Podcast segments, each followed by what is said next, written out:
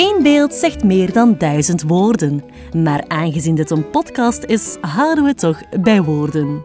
De inspiratie hiervoor ligt wel in de wonderenwereld van de beeldende kunst. Kunst spreekt, prikkelt, provoceert en doet ideeën, emoties of herinneringen ontspringen. Vergeet eens even de drukte, leun achterover en mijmer mee met onze columnisten als ze de vele kleuren van kunst en geloof schilderen in beeldspraak. Met vandaag een column van Karel Goedgebeur.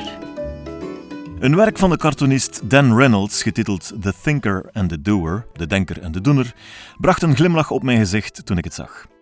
Ik schets het even. Je ziet twee sokkels in een museum. Op de ene sokkel zie je een impressie van het beroemde beeld De Denker van Rodin. Een zittende figuur, hand onder de kin, diep in gedachten verzonken. Op de andere sokkel zie je slechts de woorden De Doener.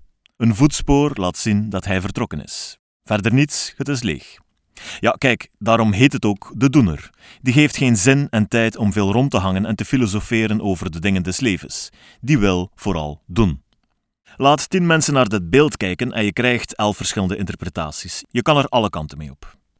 Ikzelf beschouw het als een vorm van maatschappijkritiek. Overal een mening over, we weten perfect hoe we de ander zijn of haar problemen moeten oplossen, maar dan effectief overgaan tot het oplossen van een situatie, ho maar. Niet voor niets luidt het spreekwoord: woorden wekken, daden strekken. Ik hou van cartoons. Het is een creatieve manier om een boodschap over te brengen. Een eenvoudig recept. Je maakt een karikatuur van de situatie en voegt er een vleugje humor aan toe.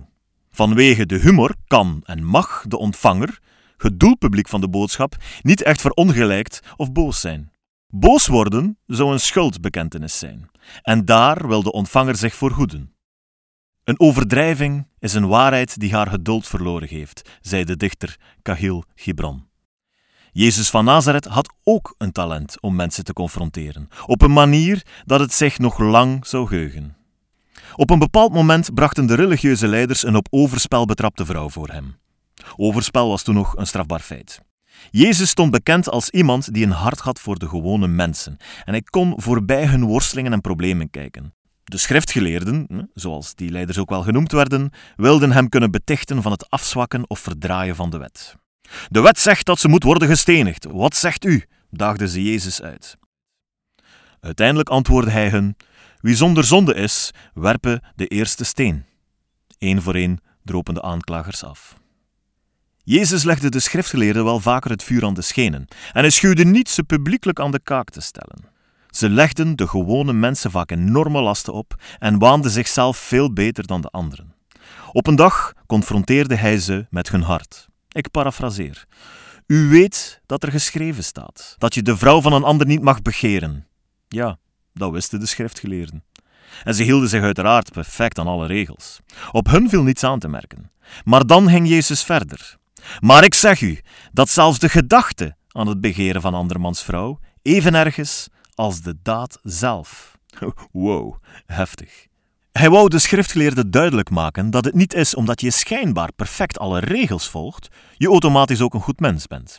Het gaat om je hart. Wat speelt er zich daar af?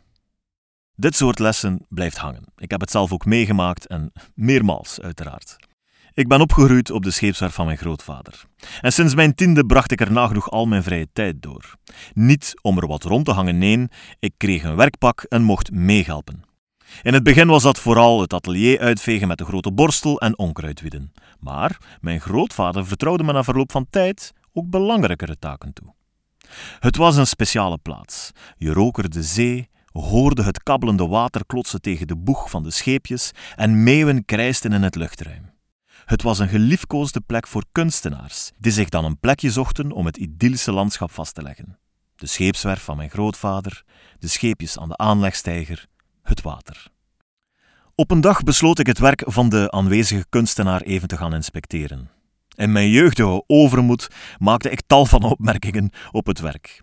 Meneer, het raam geeft geen zes vakjes, maar vier. En die mast is korter dan ze in werkelijkheid is. De man luisterde geduldig naar mijn expertise. Hij gaf me wijselijk gelijk en liet me gaan. Trots bracht ik verslag uit aan mijn opa. Die gaf me een vel papier en een potlood en daagde me uit om te laten zien hoe het wel moest. Twee uur later stond ik terug bij hem, moe en gefrustreerd. Ik was verloren gelopen in mijn drang om alles correct weer te geven en liep vast in minuscule details.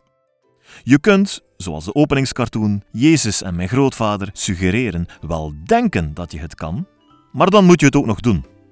Ik had niet de expertise van de kunstenaar en ik begreep ook niet dat in de ogen van de schilder de impressie soms belangrijker is dan de realiteit. Mijn grootvader leerde me die dag een waardevolle en belangrijke les. Ik denk dat ik het daarmee kan doen. Een leven lang.